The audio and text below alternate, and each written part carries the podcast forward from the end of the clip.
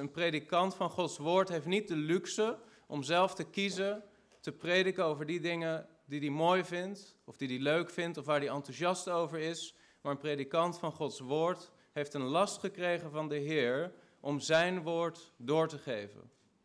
En de mening van de predikant zelf maakt niet uit. Dus jullie mogen gerust weten dat dit een boodschap is waar ik soms s'nachts door wakker word gehouden. Een boodschap die mij bezighoudt. Een boodschap die mij emotioneel meer kost in de voorbereiding dan andere boodschappen. En ik denk dat het ook goed is daarom dat we samen bidden voor deze boodschap. Dat de Heer mij helpt om in balans te zijn en ook een gebalanceerde Bijbelse boodschap aan jullie voor te leggen. Maar laten we ook bidden voor jullie eigen harten. Dat als je dit ontvangt vandaag, dat de Heer je ook wijsheid en kracht geeft hoe dat te ontvangen en hoe daarmee verder te gaan. Laten we samen gaan staan. En ik stel voor dat we beginnen met gebed en dat we daarna staande samen Gods woord openen. Vader in de hemel, we komen tot u in de naam van uw kostbare Zoon Christus Jezus. Heer, dank u wel dat we vandaag met het avondmaal opnieuw mogen gedenken, heren, dat u, Heer Jezus, voor ons naar het kruis bent gegaan. Dat u de straf die wij verdiend hadden voor onze zonde, dat u die hebt gedragen, Heer Jezus. Heer, we hebben dat niet verdiend, Heer, en het is onvoorstelbaar voor ons, mensen, dat u die weg bent gegaan voor ons, Heer Jezus. Dank u wel daarvoor. Heer, en tegelijkertijd is het ook iets wat laat zien, Heer, dat u moest lijden, omdat wij anders hadden moeten lijden. Heer, en als we daar vandaag zo over nadenken, Heer, over wat uw woord laat zien over het rechtvaardige oordeel ten aanzien van de zondaar. Heer, wilt u ons bekrachtigen door de Heilige Geest? Wilt u ons helpen om te zien wat u daarover wilt dat wij zien, Heer? Heer, help ons om niet op onze eigen mening te vertrouwen of onze eigen inzichten. Help ons om te erkennen dat uw wegen hoger zijn dan onze wegen. En uw gedachten hoger dan onze gedachten. Here, help ons alstublieft om dat wat van u is vanochtend te ontvangen. En dat wat van mens is te laten liggen. Heer, dat bid ik u in Jezus' naam. Amen. We gaan Gods woord openen opnieuw in openbaring, hoofdstuk 20. En we zullen drie versen lezen. We beginnen bij openbaring hoofdstuk 20, vers 10. Openbaring hoofdstuk 20, vers 10. En de duivel die hen misleidde, werd in de pool van vuur en zwavel geworpen, waar ook het beest en de valse profeet reeds zijn. En zij zullen dag en nacht gepijnigd worden in alle eeuwigheid. We gaan door naar vers 15. Of vanaf vers 14 lezen we dat. En de dood en het rijk van de dood werden in de pool van vuur geworpen. Dit is de tweede dood. En als iemand niet bleek ingeschreven te zijn in het boek des levens, werd hij in de poel van het vuur geworpen. We gaan door naar hoofdstuk 21, vers 8. Maar wat betreft de lafhartigen, de ongelovigen, de verfoeilijken of verachtelijken, moordenaars, ontuchtplegers, tovenaars, afgodendienaars en alle leugenaars, hun deel is in de poel die van vuur en zwavel brandt. Dit is de tweede dood. Amen. In 2012 is er door de EO een onderzoek gedaan in Nederland onder ongeveer duizend christenen, waarbij christenen nogal breed gedefinieerd waren. Wat ik daarmee bedoel is dat zowel rooms-katholieken als PKN-christenen, als evangelische, als gereformeerde christenen, eigenlijk allerlei soorten christenen zijn meegenomen in dat onderzoek, zonder al te veel onderscheid. Maar in dat onderzoek werd gekeken wat geloven christenen ten aanzien van de hel. En wat bleek? In Nederland in 2012 geloofde slechts 27% van christenen dat er een hel is. Nou was 15 dat, dat percentage liep nogal uiteen tussen verschillende groeperingen. Rooms-katholieken, daar geloofden maar 15% dat er een hel was. In de PKN-christengroep waren dat 36% In de evangelische wereld 83% En in de gereformeerde wereld 67% Maar dat alles bij elkaar genomen waren er blijkbaar maar 27% christenen in die groep die geloofden in een hel. En ze vroegen aan de christenen die geloofden in een hel, of dat ze de hel eerlijk vonden. Of dat ze de hel een eerlijke straf vonden van God. En 50% van de christenen die geloofden in de hel, geloofden ook dat het eerlijk was. Dat God mensen naar de hel zou sturen. Zes van de tien gelovende christenen geloofden uiteindelijk dat het goed zou komen door Gods liefde. Zes van de tien christenen geloofden dat het uiteindelijk met iedereen goed zou komen door Gods liefde. En veel van de christenen in het onderzoek vonden de hel vooral de afwezigheid van God. Een passieve plek waar God passief tegenover staat, maar niet zozeer actief bestraft. Nee, de hel zagen ze als een plek die vooral de afwezigheid van God vertegenwoordigde. En broeders en zusters, dat is chockerend.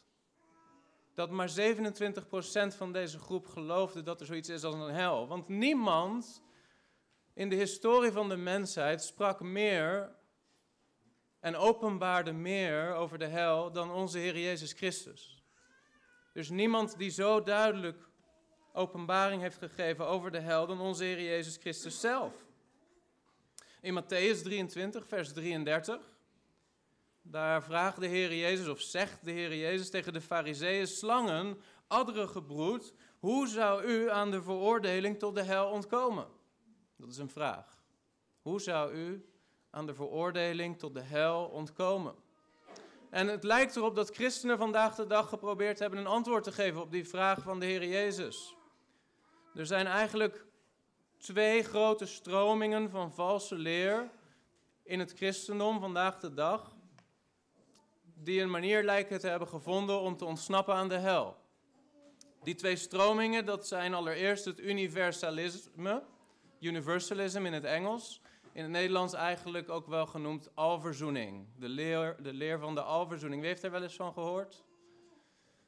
De meeste mensen. En de leer van de alverzoening zegt eigenlijk: er is geen hel, er is geen lijden na de dood. Het komt uiteindelijk met iedereen goed.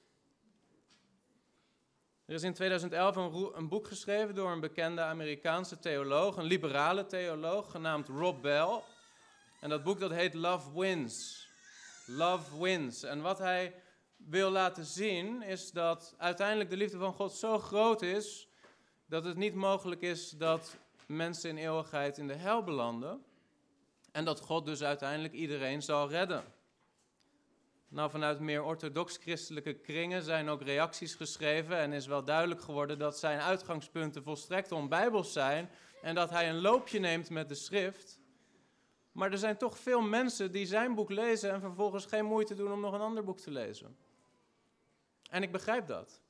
Ik begrijp dat. Ik zal straks vertellen waarom. Maar het is niet heel moeilijk als christen die ook maar een beetje zijn Bijbel leest om te snappen dat dat boek niet klopt. De Heer Jezus zegt in Matthäus 7, vers 13: Ga binnen door de nauwe poort, want wijd is de poort en breed is de weg die naar het verderf leidt. En vele zijn er die daardoor naar binnen gaan.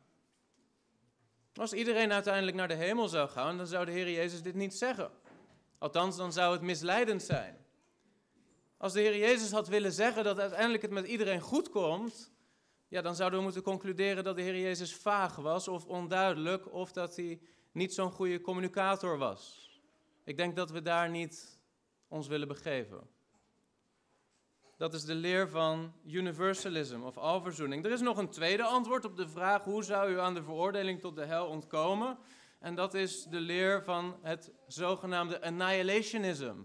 Oftewel de vernietigingsleer. Heeft iemand daar wel eens van gehoord? De vernietigingsleer. Dat is een leer die bijvoorbeeld door zevende dagsadventisten en Jehovah's getuigen wordt uitgedragen. En die leer zegt eigenlijk dat de zondaren die niet verzoend zijn in Christus, de ongelovigen, vernietigd worden door God. Dat er niet zoiets is als een hel, laat staan een eeuwige hel, waar een actieve bestraffing is in de vorm van lijden, maar dat de zondaar wordt vernietigd en simpelweg stopt met bestaan. Geen bewustzijn meer heeft, in een soort eeuwige slaap valt en wordt zoals hij was voor zijn geboorte. En broeders en zusters, ik wil vandaag met jullie kijken naar wat de schrift zegt over dit onderwerp. Maar ik wil er voorop over zeggen dat ik heel goed begrijp waarom mensen dit doen. Ik begrijp waarom mensen weg willen van wat de Bijbel zegt over dit onderwerp en zoeken naar manieren om aan datgene wat de Bijbel duidelijk leert te ontsnappen. Ik begrijp dat. En ik voel waar dat vandaan komt. Maar het probleem is dit. Als de Heer Jezus dit leert, wat wij vandaag zullen gaan bekijken en wat we zullen zien dat de Heer Jezus leert, dan heeft het weinig zin om onze kop daarvoor in het zand te steken en te doen alsof het er niet is.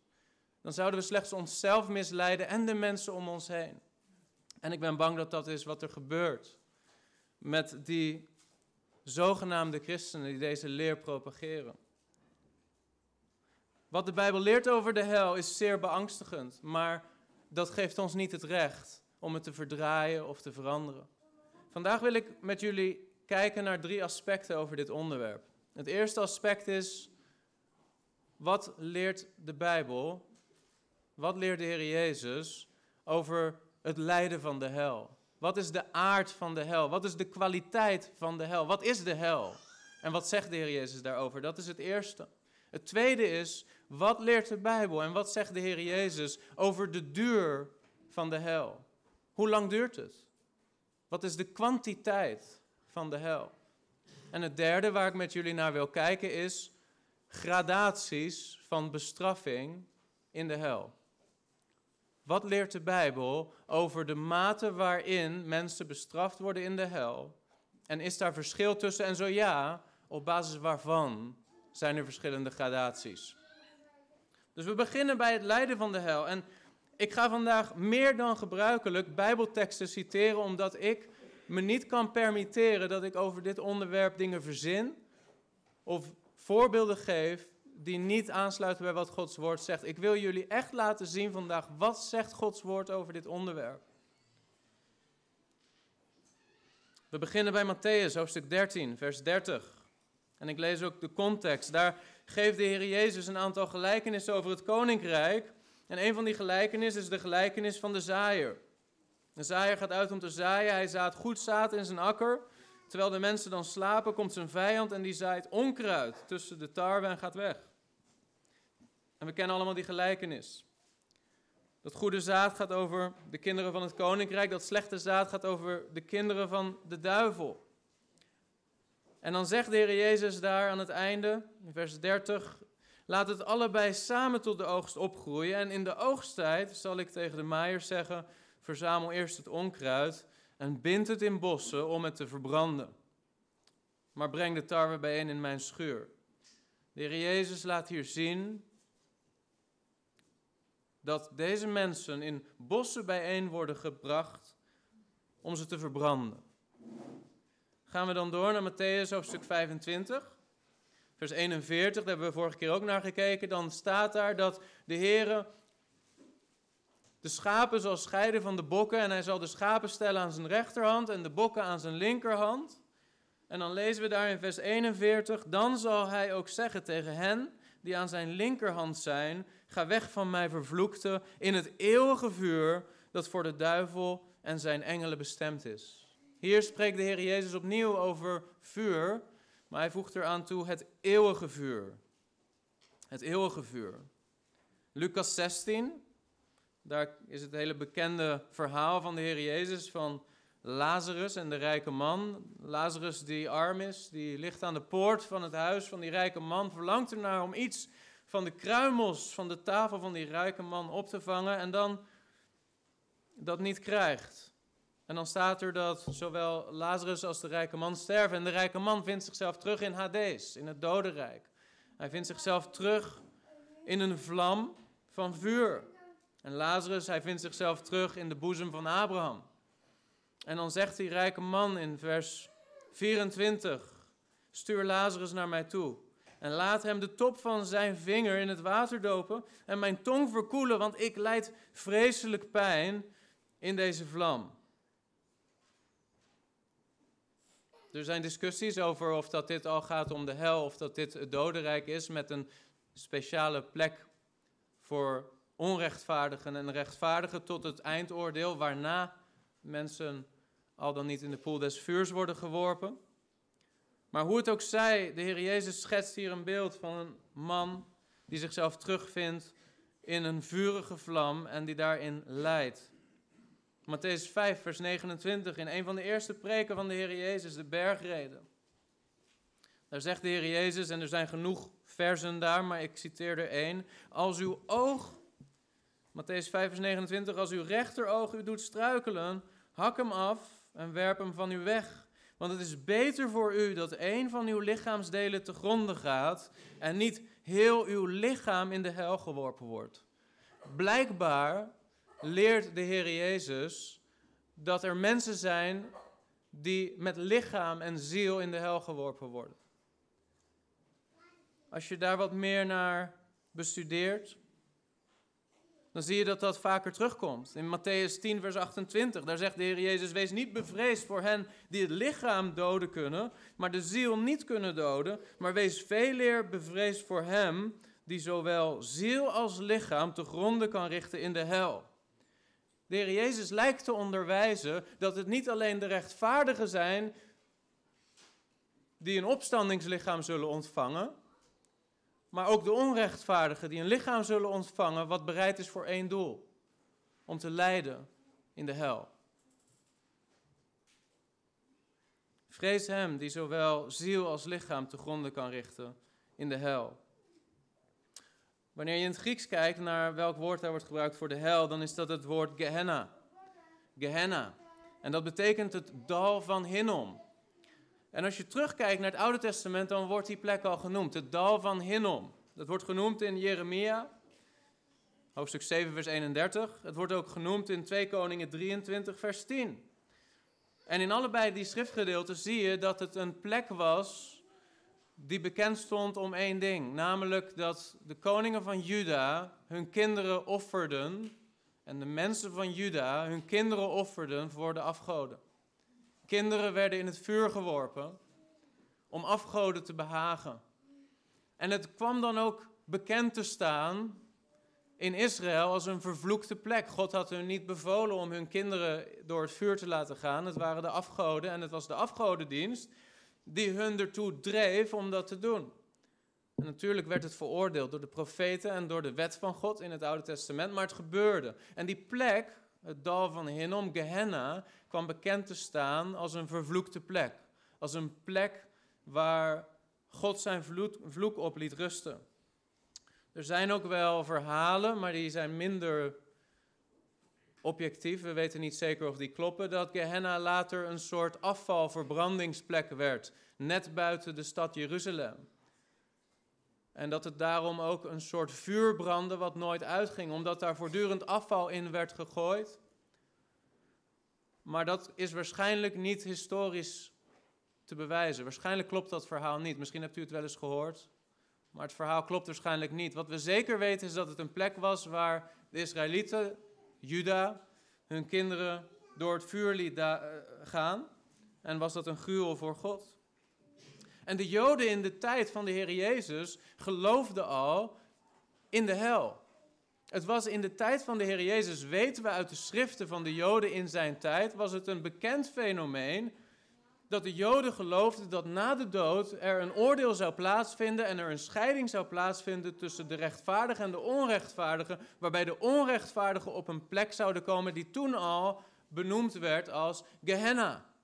Dus de Heer Jezus, wanneer hij spreekt over deze dingen, sluit hij aan bij wat in zijn tijd en context al onder de Joden geloofd werd. En hij spreekt het niet tegen. Hij bevestigt dat wat zij geloofden in die tijd klopt. Matthäus 13, vers 50. Daar zien we de gelijkenis van het net wat wordt uitgeworpen in de zee. Het koninkrijk is als een net wat wordt uitgeworpen in de zee, wat allerlei soorten vissen bijeenbrengt. Zowel goede als slechte vissen. En dan staat daar in vers 50: De engelen zullen uitgaan en de slechte uit het midden van de rechtvaardigen afzonderen. En ze zullen hen in de vurige overwerpen. Daar zal gejammer zijn en tandigeknars. De Heer Jezus beschrijft de hel hier als een vurige oven waar gejammer zal zijn en tandengeknars. Matthäus 22, vers 13. daar vertelt de Heer Jezus een gelijkenis van een bruiloft. En een gast die daar is op de bruiloft zonder bruiloftskleding. En dan wordt er gevraagd aan die gast: Vriend, hoe bent u hier binnengekomen terwijl u geen bruiloftskleding aan hebt? En hij zweeg. Toen zei de koning tegen de dienaars: Bind hem aan handen en voeten, neem hem mee en werp hem uit in de buitenste duisternis. Daar zal gejammer zijn en tandige knars. Hier beschrijft de Heer Jezus de hel als de buitenste duisternis. In Matthäus 24, vers 51, daar gaat het over de ontrouwe slaaf. Die zegt in zijn hart, oh mijn Heer, hij blijft nog lang weg. En hij begint zijn medeslaven te slaan en te eten en te drinken met de dronkaards. En dan staat er, zijn Heer zal komen op een dag waarop hij hem niet verwacht en op een uur dat hij niet weet. En dan staat er, en hij zal hem in stukken houden en hem doen delen in het lot van de huigelaars. Daar zal gejammer zijn en tandengeknars. In Matthäus hoofdstuk 25, vers 30, in de gelijkenis van de talenten, daar vinden we iemand die talenten heeft ontvangen, maar er niets mee doet. En de reactie van de Heer Jezus in die gelijkenis is: werp de onnutte slaaf uit in de buitenste duisternis. Daar zal gejammer zijn en tandengeknars. In Lucas 13, vers 23. Daar wordt gevraagd aan de Heer Jezus: Heren, zijn het weinigen die zalig worden? En dan zegt hij: Strijd om binnen te gaan door de nauwe poort, want velen, zeg ik u, zullen proberen binnen te gaan en het niet kunnen. Namelijk vanaf het moment dat de Heer des huizes is opgestaan en de deur heeft gesloten. En dan vinden we toch een aantal mensen die proberen nog binnen te komen. En de reactie van de Heer Jezus in die in die beeldspraak is: Ga weg van mij, allen die ongerechtigheid bedrijven. Daar zal gejammer zijn en tandengeknars wanneer u Abraham, Isaac en Jacob en alle profeten in het koninkrijk van God zult zien, maar u zelf buiten geworpen. Zomaar een aantal versen.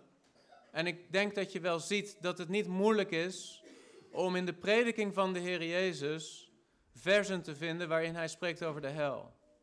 In Jezus' bediening sprak hij van begin tot einde waarschuwend over de hel. De Heer Jezus was, zo gezegd, een helpredikant. Waar in het christendom vaak tegenwoordig laagdunkend wordt gesproken over predikanten die het maar hebben over de hel en maar hebben over de hel, wil ik jullie eraan herinneren dat de Heer Jezus zo'n predikant was. Een predikant die sprak over de hel. Niet alleen over de hel, maar hij sprak over de hel. En we zien dat de Heer Jezus woorden gebruikt die er niet om liegen. Hij heeft het over vuur, hij heeft het over lijden van lichaam en ziel, hij heeft het over gejammer en tandengeknars, hij heeft het over duisternis. Stelde iemand een vraag aan John Piper. Dat vuur, dat is toch metaforisch, dat is toch niet letterlijk? En John Piper gaf een antwoord wat denk ik heel wijs is. Hij zei, ja, waarschijnlijk is het vuur metaforisch. Waarschijnlijk heeft Jezus een beeld gebruikt dat wij kunnen begrijpen in de vorm van vuur om een bepaald soort lijden te beschrijven wat de mens zal doorgaan in de hel. Maar, zei John Piper, dat betekent niet dat het lijden in de hel minder ernstig is dan in vuur zijn, maar waarschijnlijk dat het ernstiger is. Weet je, de Bijbel gebruikt eigenlijk altijd beelden wanneer de realiteit waarover het beeld gaat ernstiger is en heviger is dan het beeld zelf. Zodat wij begrijpen in onze taal waar het over gaat. En ik denk dat dat waar is. De hel is de manifestatie van de rechtvaardige woede van een heilig God tegen zondaren. Ik ga dat herhalen. De hel is de manifestatie van de rechtvaardige woede van een heilig God tegen zondaren. Deuteronomium hoofdstuk 32, vers 22 zegt dit. Daar zegt de Heer zelf. Want een vuur is aangestoken in mijn toorn. Het zal branden tot onder in de hel. Het zal het land met zijn opbrengst verteren en de fundamenten van de bergen in vlam zetten. Een vuur is aangestoken in mijn toorn. Het vuur van de hel is niet een vuur waar God niets mee te maken heeft. Sterker nog, de Bijbel zegt: een vuur is aangestoken in mijn toorn. Het vuur van de hel is een vertegenwoordiging van de toorn van een heilig God tegen de zondaar. Er wordt wel gezegd, en die kennen jullie waarschijnlijk ook, die uitspraak. God haat de zonde, maar heeft de zondaar lief. In zekere zin zit daar wel een bepaalde waarheid in, maar je kan dat niet als een regel zo stellen. Gods woord zegt niet, God haat de zonde, maar heeft de zondaar lief. Sterker nog, Psalm 11, vers 5 zegt dit. De Heere beproeft de rechtvaardige, maar zijn ziel haat de goddeloze en wie geweld lief heeft. Hij zal op de goddeloze valstrikken, vuur en zwavel doen regenen. Een verschroeiende wind zal het deel van hun beker zijn. Er staat daar niet, God haat de zonde, maar heeft de zondaar lief. Er staat hier dat God haat de zondaar. En dat is wat de hel betekent. Een heilige manifestatie van een rechtvaardige haat van een heilige God tegen de zondaar. En niet alleen de zonde. Dan zegt u misschien, ik vind dat moeilijk te bevatten. Ik ook. Ik vind het ook moeilijk te bevatten. Maar we moeten het ermee doen, mensen. We moeten het ermee doen. En ik kan u wel een beeld geven om het misschien iets makkelijker te maken. We hebben nog niet zo heel lang geleden hier in Nederland wat meegemaakt met z'n allen. In het verhaal van Anne Faber. Wie kent het verhaal van Anne Faber nog? De meeste wel, toch? Anne Faber, een meisje of een jonge vrouw van 25, die op haar fiets zat in de buurt van Utrecht, die op enig moment van haar fiets wordt afgetrokken door een man genaamd Michael P. Vervolgens onder schimmige omstandigheden wordt verkracht en vermoord en voor dood wordt achtergelaten, of dood wordt achtergelaten. En het hele land was in rep en roer. En weet je, inmiddels is natuurlijk Michael P. is opgepakt, hij is berecht, hij heeft een vonnis gekregen. Maar heel het land was verontwaardigd. Hoe kan iemand dit doen? En wat voor straf past bij iemand die dit kan doen? En ze hebben de vader van Anne Faber, die hier natuurlijk nog het meest mee worstelde, hebben ze geïnterviewd. En die zei dit: Ik voel me totaal onmachtig. Ik heb constant een stekende pijn in mijn hart en ik ben zo ontzettend kwaad. Het allerergste wat me kon gebeuren is gebeurd. Anne was het meest waardevolle en kwetsbare in mijn leven, naast het bestaan van mijn zoon. Ik word verscheurd door de gedachte dat ik helemaal geen zin meer heb om verder te leven en dat ik toch verder moet. Omdat ik dat verschuldigd ben aan de mensen van wie ik hou en die van mij houden. Het is niet te doen. Anne was zo geweldig. En dan zegt de interviewer dit. Als ik hem vraag of Michael P. dood zou moeten, valt er een lange stilte. Blijkbaar gaf hij geen antwoord op die vraag. Maar ik denk dat we allemaal wel weten wat het antwoord zou zijn. Ik weet wel wat mijn antwoord zou zijn. Ik zou vinden, als het mijn dochter was, dat hij niet alleen dood zou moeten, maar dat hij zou moeten lijden. Om wat hij heeft gedaan tegen mijn dochter. En dat is rechtvaardig, dat is niet onrechtvaardig, dat is rechtvaardig. Uiteindelijk krijgt hij een maximale gevangenisstraf in Nederland en TBS erachteraan. Wat vaak hetzelfde is als levenslang. Maar ik denk dat vele van de mensen rondom Anne het gevoel hadden dat dat niet genoeg was. En misschien in hun hart zelfs gewenst hadden dat er nog zoiets was in Nederland als de doodstraf. Kun je daar iets bij voorstellen? Weet je dat dat iets heiligs is? Weet je dat dat iets rechtvaardigs is? Weet je dat dat iets van God is? Dat er een rechtvaardige woede mag zijn tegen de zonde wanneer er zoiets gebeurt. Nou, wat denkt u? De vader van Anne Faber is een zondaar net als wij. En hij voelt dat tegenover de persoon die zijn dochter heeft verkracht en vermoord. Wat denkt u dat een heilig God ervaart wanneer hij kijkt naar u en naar mij en wat we gedaan hebben met zijn zoon? Denkt u dat het minder is? Ik denk het niet. En ik denk dat de Bijbel laat zien dat de heilige woede van een rechtvaardig God tegen een zondaar zoals u en zoals ik, dat het veel ernstiger is dan wat wij ook maar kunnen voorstellen als mensen. Dat is het eerste punt. Het lijden van de hel. De aard van de hel, wat de Bijbel laat zien over de hel, is heftig. Maar het tweede punt is dit: hoe lang duurt de hel? Hoe lang blijft een mens daarin zitten? Nou, Matthäus hoofdstuk 3, vers 11 en 12, daar zegt de Jezus, of daar zegt Johannes de Doper dit. Ik doop u wel met water tot bekering, maar hij die na mij komt is sterker dan ik. Ik ben het niet waard hem zijn sandalen na te dragen. Hij zal u dopen met de Heilige Geest en met vuur. Veel christenen denken dat dat vuur gaat ook over de Heilige Geest. Ik geloof het niet zelf. Ik denk dat dit vuur gaat over het tweede stuk van deze tekst. Zijn wan is in zijn hand en hij zal zijn dorsvloer grondig reinigen en zijn tarwe in de schuur verzamelen en hij zal het kaf met onuitblusbaar vuur verbranden.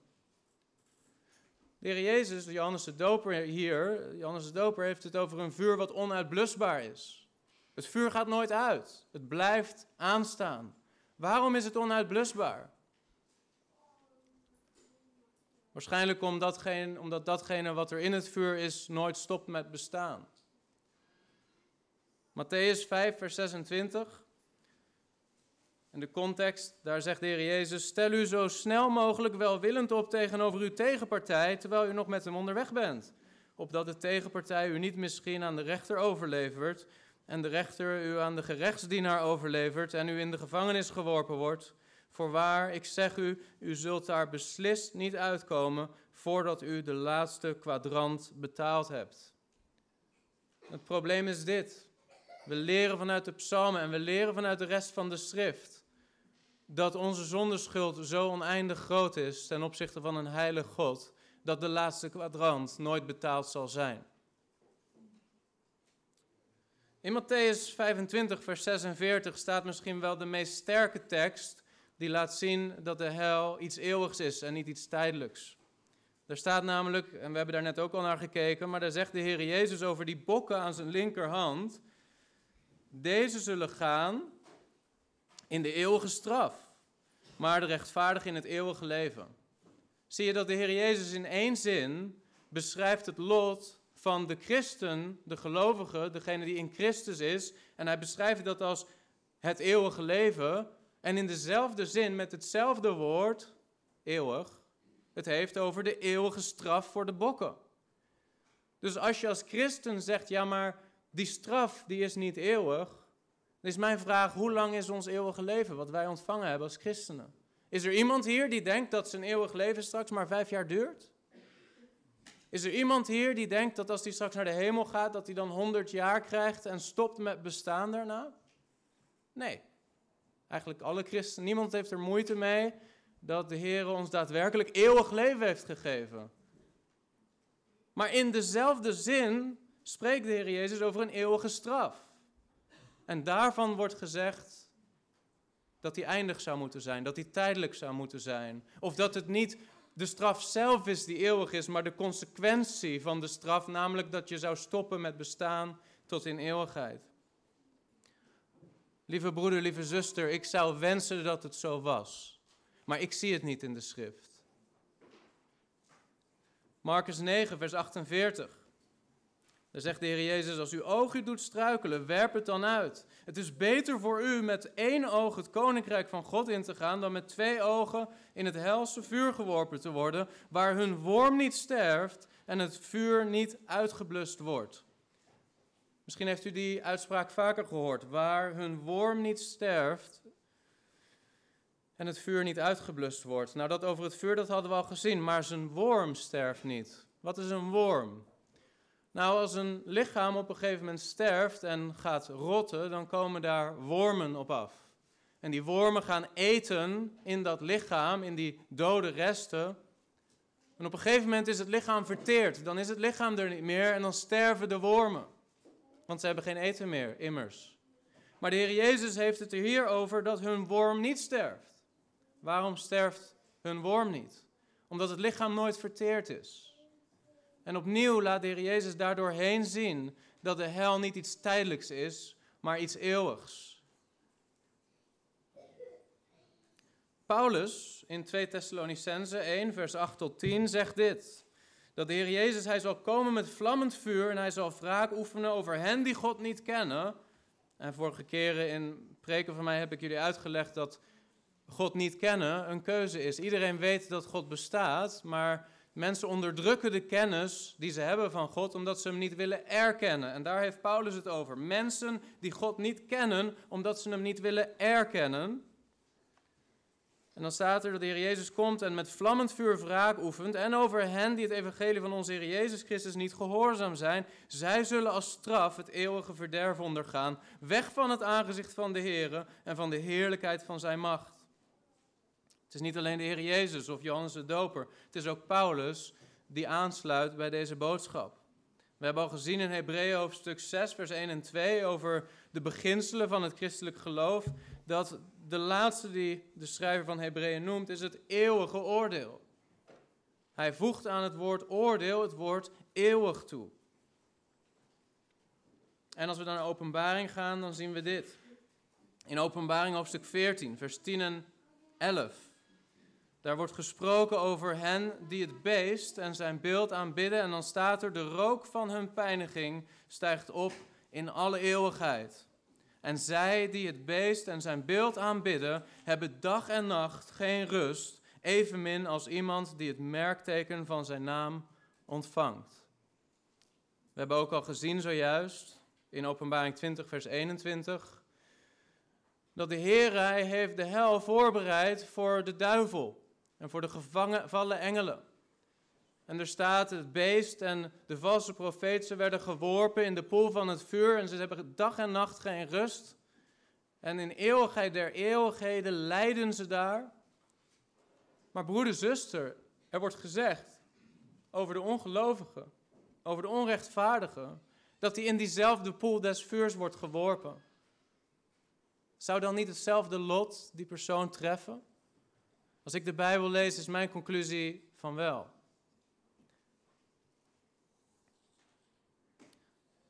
Nou voelt u misschien, net als ik, in uw hart allerlei vragen opkomen. Hoe kan het zo zijn dat mijn tijdelijke zonde, in mijn tijdelijke vergankelijke staat als mens, in die korte tijdspanne dat ik leef op aarde, een eeuwige straf zou verdienen? Ik wil daar een aantal gedachten over delen met jullie. Het is belangrijk om te beseffen dat het niet zozeer gaat om hoeveel zonden je hebt begaan of hoe ernstig de zonden waren die je hebt begaan. Het gaat om de God tegen wie je de zonde hebt begaan.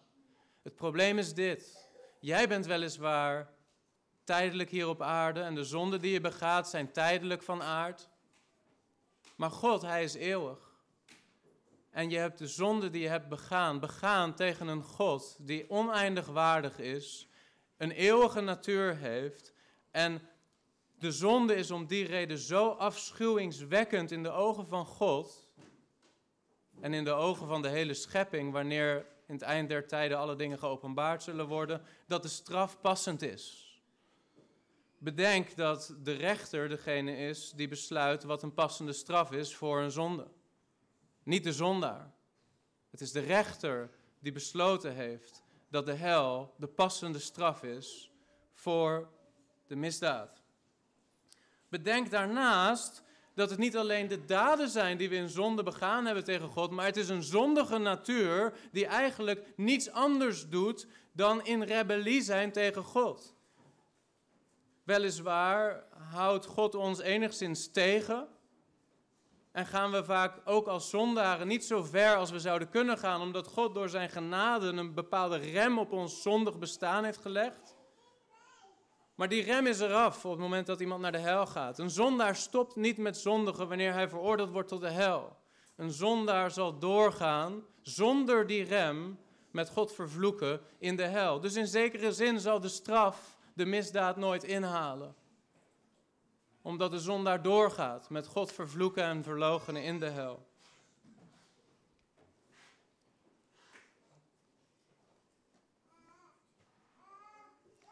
Nou zegt u misschien, ja maar hoe kun je geloven in een God die toelaat dat er mensen zijn die tot in eeuwigheid in de hel belanden? En ik vind dat een hele goede vraag. Ik vind het een valide vraag. Ik denk dat we die vraag niet zomaar weg moeten schuiven. En het is een vraag waar ik ook mee worstel. Maar weet je wat het een heel stuk makkelijker maakt? Is te bedenken dat diezelfde God degene is die zijn zoon heeft gestuurd om die prijs van de hel te betalen voor mij. Dat het de Heer Jezus zelf is die aan het kruis lijdt voor mijn zonde. En die zelf de duisternis en de pijn en het lijden en de toorn van God voor mij draagt. Waarom is het voor ons zo makkelijk om te accepteren dat de Heer Jezus blijkbaar moest lijden voor mijn zonde, maar dat een zondaar die niet dat werk van de Heer Jezus aanneemt, niet zou moeten lijden voor zijn zonde? Nee, broeders en zusters, de Bijbel laat zien dat als de Heer Jezus niet degene is die heeft geleden voor jouw zonde, zul je de prijs zelf moeten betalen. En dan zul je die moeten betalen in een eeuwige hel. Dan zeg je, broeder Chris, hoe is het mogelijk dat de Heer Jezus door zes uur aan een kruis te hangen, waarvan drie uur in duisternis, waarbij hij zegt, mijn God, mijn God, waarom hebt u mij verlaten? Hoe is het mogelijk dat één man door zes uur aan een kruis te hangen en te sterven, hoe is het mogelijk dat hij een prijs kan betalen voor mijn zonde, waarvoor ik een eeuwigheid in de hel zou moeten zijn? Hoe is dat mogelijk? En de reden dat dat mogelijk is, geloof ik, is als volgt. Die ene man is meer waard dan alle mensen bij elkaar. Die ene man is niet alleen maar een mens. Die ene man is de zoon van God, oneindig waardig. En als je hem in een weegschaal, en ik vind dat een mooi beeld van Paul Washer, als je hem in een weegschaal zou zetten, de Heer Jezus Christus, de zoon van God, de kostbare zoon van God in een weegschaal zou zetten en de hele schepping, alle mensen bij elkaar aan de andere kant, dan zou hij gewichtiger zijn dan heel de schepping bij elkaar. Zo kostbaar is de Zoon van God. En zo kostbaar is het offer wat Hij bracht op Golgotha. Vergelijk jezelf niet met de Heer Jezus Christus in die zin. Je zou nooit de prijs kunnen betalen die Hij heeft betaald. Hij is eeuwig van natuur en zijn waardigheid is oneindig. En daarom kon Hij, toen Hij aan het kruis hing, een prijs betalen die jij in eeuwigheid niet kan betalen voor jouw zonde. Begrijp je dat? Begrijp je wat de consequentie is als je de Heer Jezus afwijst? Dat je zelf die prijs zal moeten betalen. De hel heeft niet tot doel om iemand te genezen of te zuiveren, zoals in de Rooms-Katholieke Kerk wel werd gedacht. De Rooms-Katholieke Kerk leerde dat er, en leert nog steeds dat er zoiets is als purgatory, als het vagevuur. En er zijn soms katholieken die dit willen ontkennen, maar als je kijkt naar de geschiedenis van de Rooms-Katholieke Kerk, dit was het hele idee van de aflaten.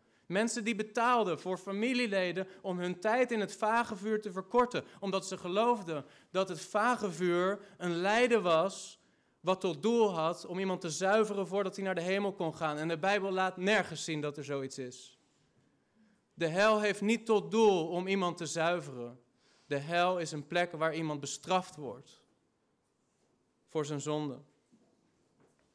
Wordt een mens op enig moment vernietigd, zodat hij stopt met bestaan nadat hij jaren heeft geleden in de hel? Broeder, zuster, ik hoop het, maar ik zie het niet in de schrift. Ik hoop het als mens, maar ik zie het niet in de schrift. Alles wat ik zie in de schrift pleit ervoor dat het niet gebeurt en dat iemand in eeuwigheid lijdt in de hel. En ik kan het niet begrijpen. Maar ik geloof in een God die heeft gezegd: Mijn gedachten zijn hoger dan uw gedachten. Mijn wegen zijn hoger dan uw wegen. Het derde punt: gradaties in het lijden. De Bijbel laat heel duidelijk zien dat niet iedereen in gelijke mate bestraft wordt in de hel. Wat is dan precies het doorslaggevende wat uiteindelijk bepaalt waarom sommigen meer lijden in de hel en anderen minder lijden in de hel? Nou, het is niet zozeer de ernst van de zonde en het is ook niet zozeer de hoeveelheid van de zonden. Maar de Bijbel laat op een aantal plekken zien dat het om één ding gaat. En ik wil jullie dat laten zien. Lucas 12, vers 47 en 48. Daar zegt de Heer Jezus: De slaaf die de wil van zijn Heer gekend heeft en geen voorbereidingen getroffen heeft en ook niet naar zijn wil gehandeld heeft, zal met veel slagen geslagen worden.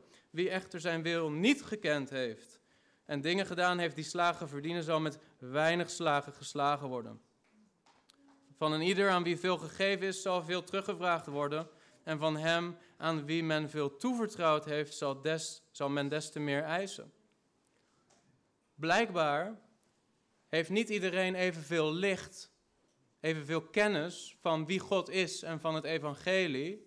En daarmee ook niet evenveel verantwoordelijkheid ten aanzien van wat hij heeft gedaan met dat licht. Zie je, de mens wordt niet beoordeeld en ingedeeld op een bepaald ernstniveau van lijden in de hel op basis van hoeveel zonden die heeft begaan of hoe ernstig die zonden zijn, maar de hoeveelheid licht die God hem heeft gegeven en die hij heeft onderdrukt, die hij heeft ontkend, waar hij niks mee heeft gedaan.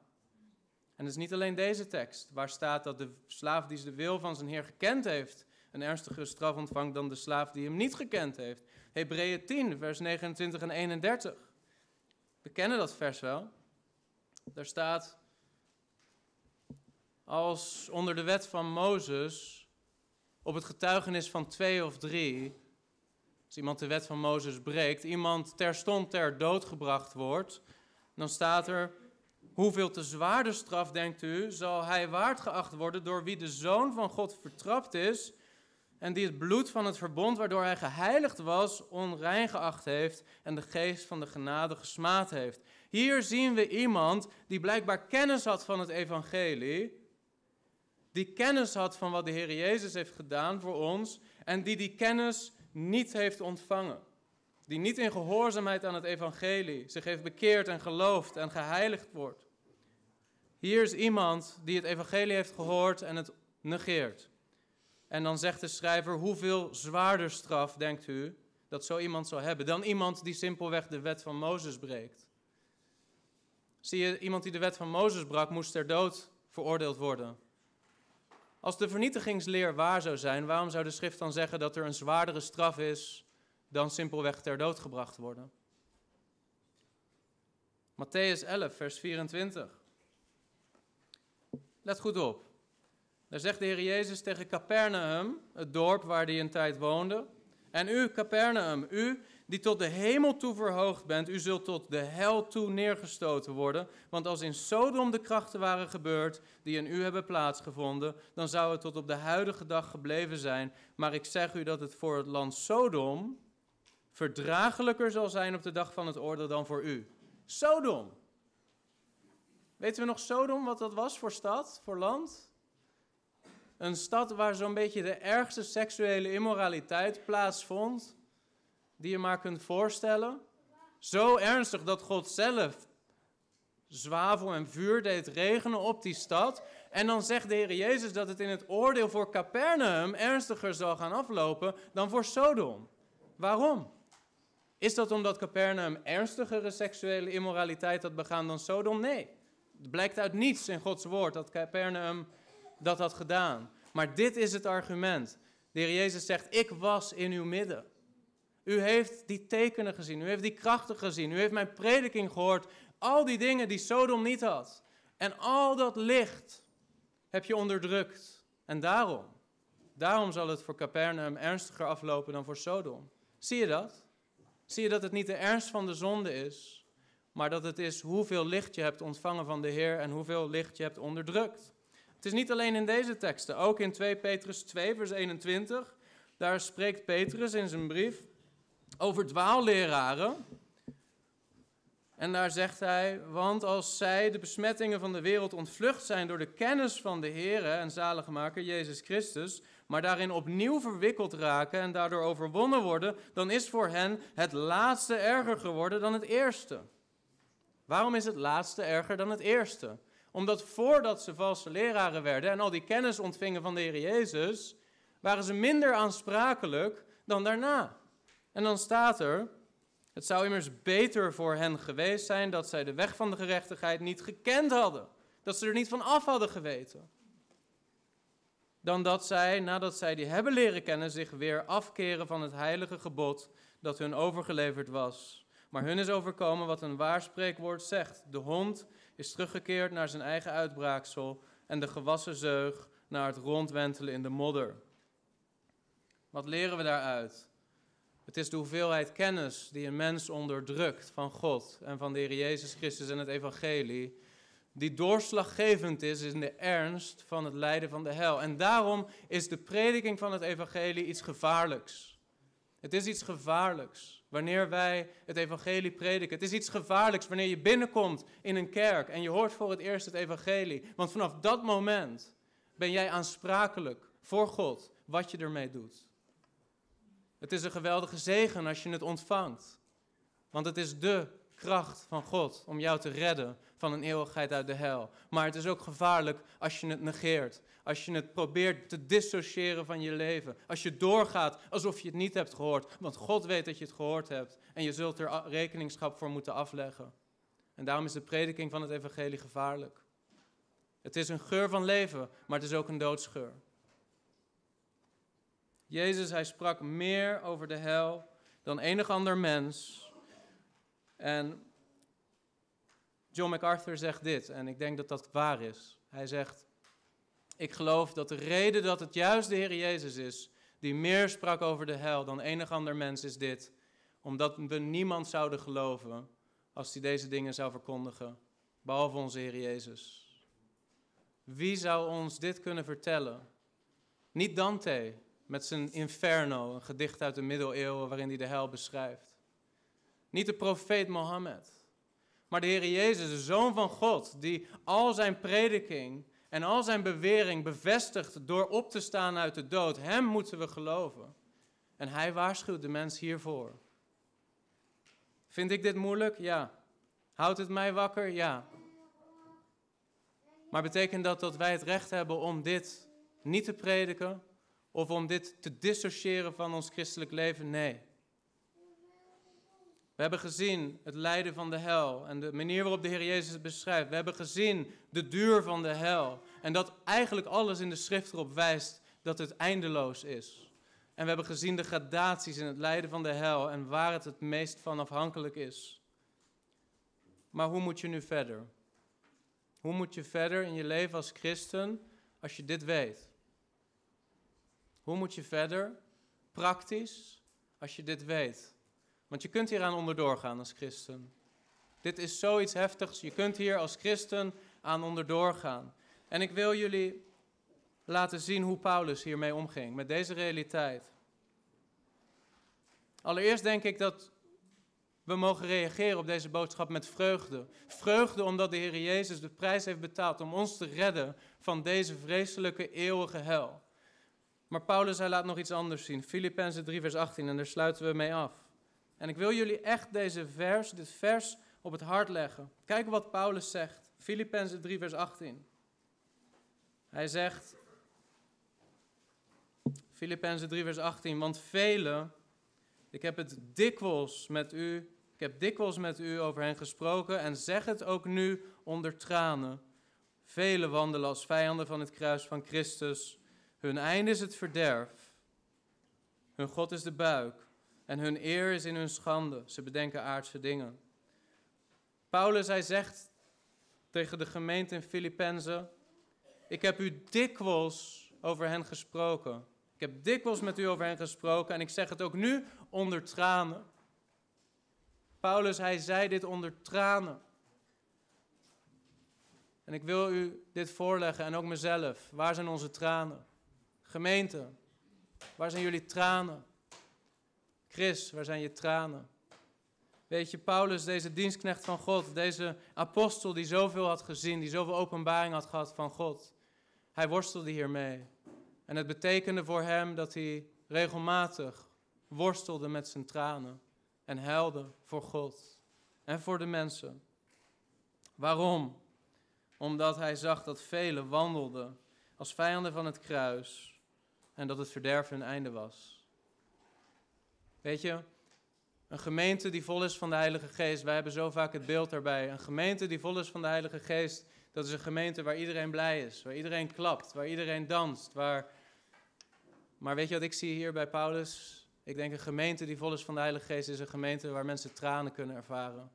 Waar mensen de tranen voelen over andere mensen, over hun collega's, over mensen op school, over je kenniskring, over ongelovige familieleden. Dat je tranen kunt ervaren wetende dat deze mensen onderweg zijn naar een eeuwige hel. En dat is wat Paulus ervoor. En ik wil je uitdagen, als je zo naar huis gaat met deze boodschap, in je gebedsleven dit met je mee te dragen. En juist die mensen die jij kent, die mensen die in die cirkel die God om jouw leven heeft heen getekend, binnen jouw grenzen, die mensen die jij kent, die collega's die jij kent, om ze te brengen voor de troon van God, onder tranen. Te zeggen, Heer, doe een wonder. Red deze mensen. Dat is het hart van Paulus. Ik hoop dat je dat meeneemt uit deze preek. Als je dat doet, dan is dat waardevoller dan dat je de realiteit van de hel probeert te ontkennen of te verdrukken. Of God probeert te verdedigen door te doen alsof het er niet is. Laten we bidden. Vader, als we zo kijken naar wat u gezegd hebt en geopenbaard hebt door uw woord, heren. Heer, dan erkennen we dat wij met ons verstand er niet bij kunnen. Heren, dat er zoiets is als een hel. Heer, en tegelijkertijd vertrouwen we op u, Heer Jezus, dat als u daarvoor gewaarschuwd hebt, dat er daadwerkelijk gevaar is. Heer, en ik wil u bidden voor deze gemeente, ik wil u bidden voor mijzelf. Geef ons alsjeblieft tranen, Heer. Geef ons tranen, Heer, voor, voor de mensen om ons heen, van wie het einde het verderf is. Help ons om moedig het evangelie te prediken. Help ons om mensen te waarschuwen, zoals Johannes de Doper mensen waarschuwde. En help ons alsjeblieft om het leven van Christus voor te leven. Juist aan die mensen die u nog niet kennen. Heer, we danken u voor uw woord. En we bidden u om de kracht van uw Heilige Geest in het verder verwerken van deze boodschap. In Jezus' naam. Amen.